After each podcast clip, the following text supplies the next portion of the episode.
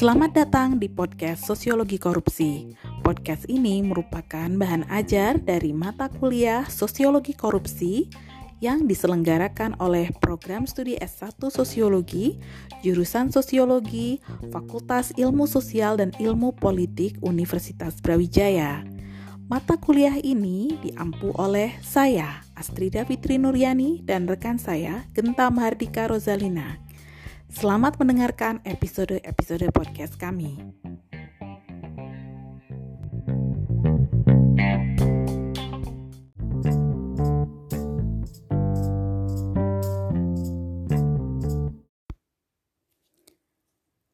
Pada episode kedua dari podcast Sosiologi Korupsi yang diselenggarakan dalam rangka menjadi bahan ajar bagi mata kuliah Sosiologi Korupsi di program studi S1 Sosiologi jurusan Sosiologi Fakultas Ilmu Sosial Ilmu Politik Universitas Brawijaya, kita akan kembali membahas mengenai definisi dan tipologi korupsi. Namun jika pada episode sebelumnya kita membahas mengenai hal tersebut dari konsep Syed Hussein Alatas, kali ini kita akan membahasnya dari konsep Heri Priyono. Selamat menyimak.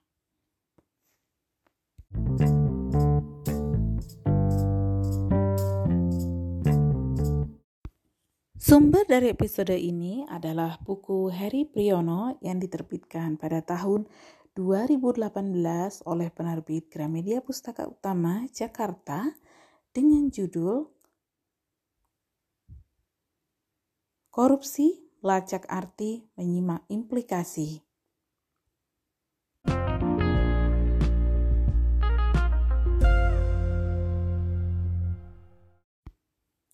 Ada beberapa definisi korupsi yang diungkapkan oleh Heri Priyono dalam bukunya tersebut.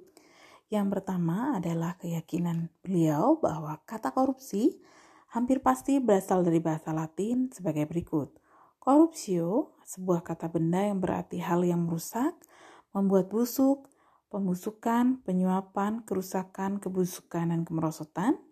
Kata korumpere, sebuah kata kerja yang artinya menghancurkan, merusak, merusak bentuk, memutarbalikkan, membusukkan, memalsukan, memerosotkan, mencermankan, menyuap, melanggar, menggodai, dan memperdayakan. Kata koruptor atau pelaku yang artinya perusak, pembusuk, penyuap, penipu, penggoda, pemerdaya, dan pelanggar. Dan kata koruptus aum atau kata sifat yang artinya rusak, busuk, hancur, tidak utuh, tidak murni, merosot, dan palsu.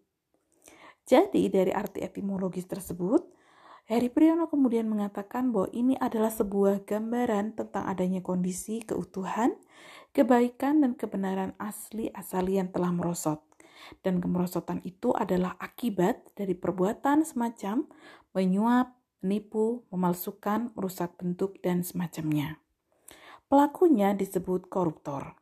Apa yang dianggap sebagai kemerosotan itu kemudian terkait dengan apa yang dikatakan oleh filsuf Jeremy Bentham bahwa korupsi dulu adalah sebuah arti fisik yang kemudian dialihkan menjadi sebuah makna moral.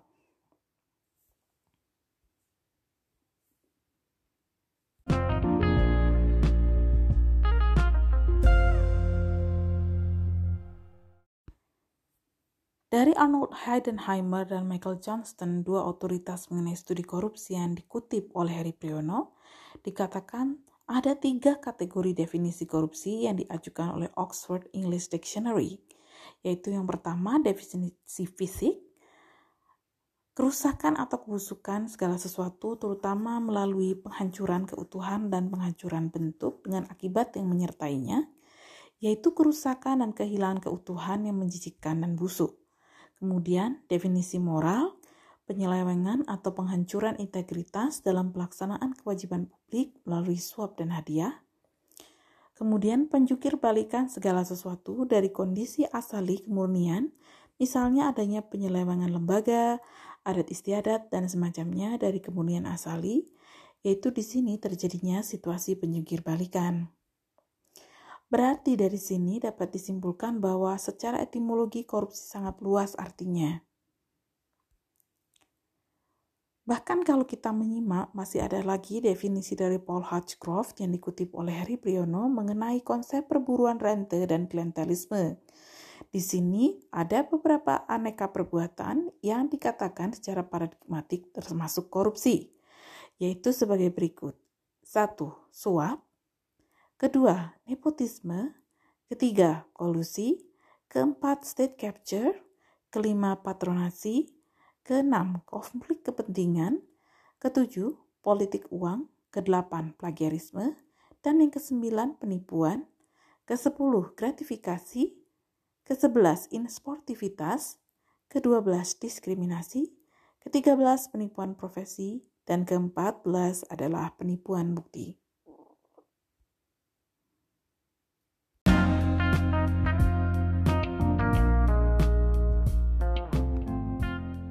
Bahkan masih ada lagi definisi korupsi yang lainnya yang juga dikutip oleh Heri Priyono, yaitu definisi dari aspek aturan hukum atau rule of law.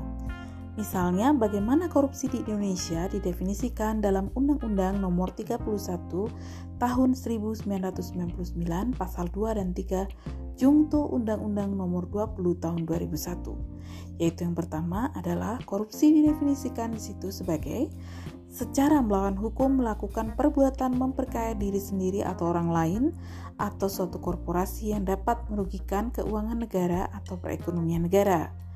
Kemudian, dengan tujuan menguntungkan diri sendiri atau orang lain atau suatu korporasi menyalahgunakan kewenangan, kesempatan, atau sarana yang ada padanya karena jabatan atau kedudukan yang dapat merugikan keuangan negara atau perekonomian negara.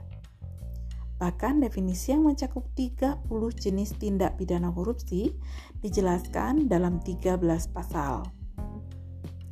Ini yang menyebabkan kemudian banyak muncul bias dalam definisi korupsi, yaitu karena memang ada berbagai perbedaan sudut pandang dari berbagai ahli maupun berbagai perspektif mengenai apa yang sebenarnya merupakan batasan dari korupsi.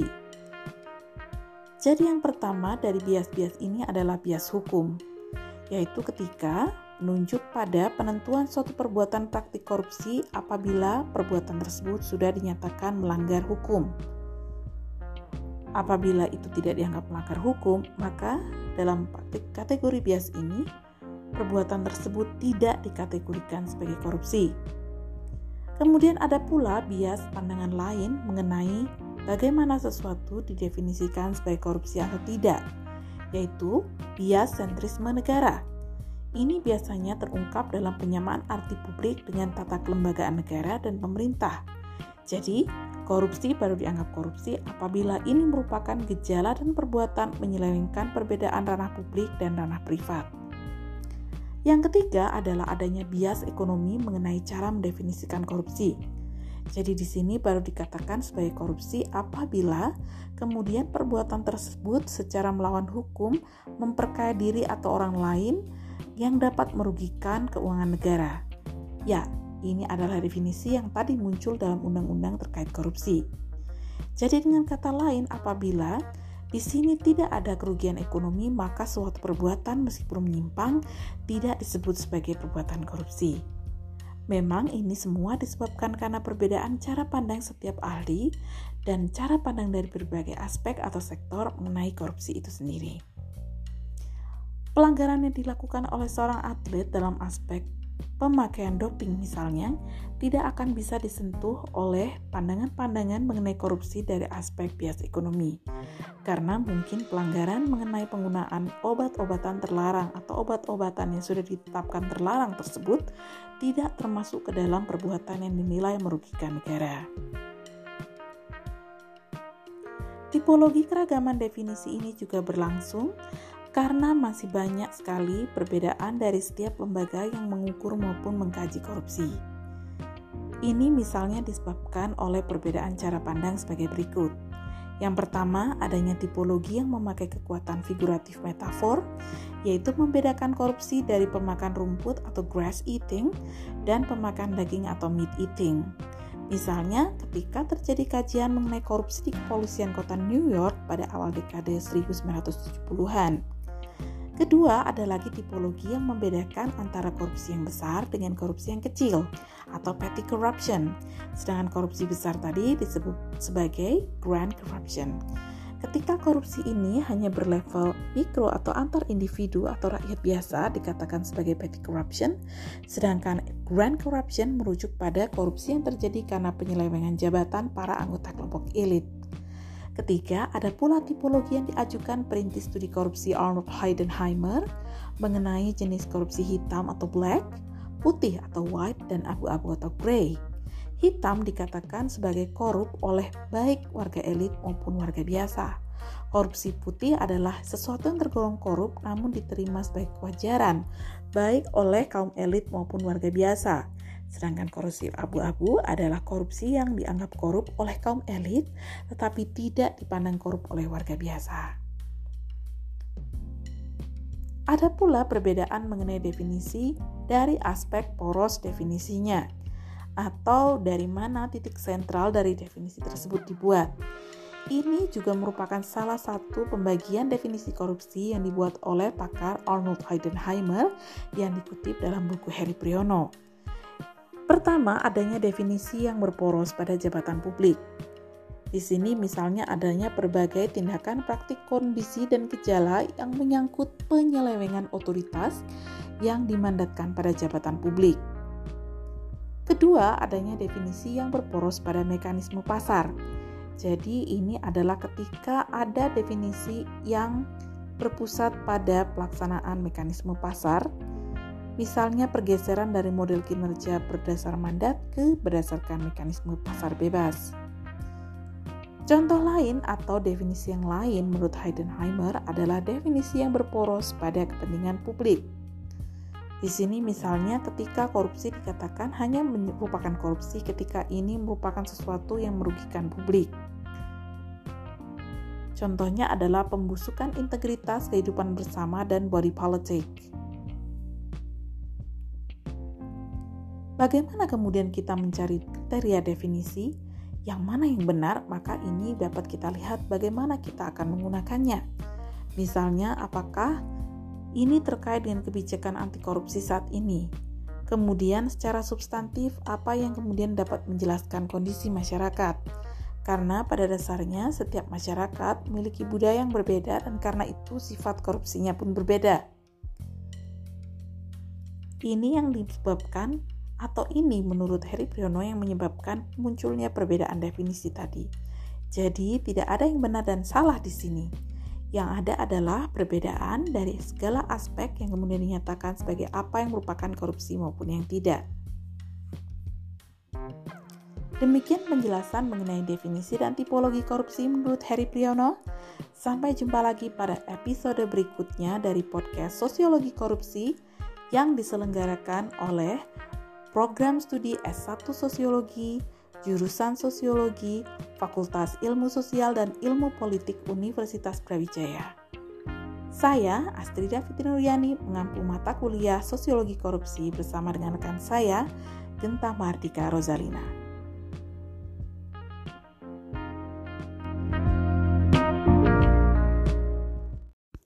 Terima kasih telah mendengarkan episode kedua dari podcast Sosiologi Korupsi. Sampai jumpa pada episode berikutnya dari podcast Sosiologi Korupsi yang diselenggarakan oleh program studi S1 Sosiologi, jurusan Sosiologi, Fakultas Ilmu Sosial dan Ilmu Politik, Universitas Brawijaya. Saya, Astrida Fitrinuriani, mengampu mata kuliah Sosiologi Korupsi bersama dengan rekan saya, Genta Martika Rosalina. Sampai jumpa di episode berikutnya.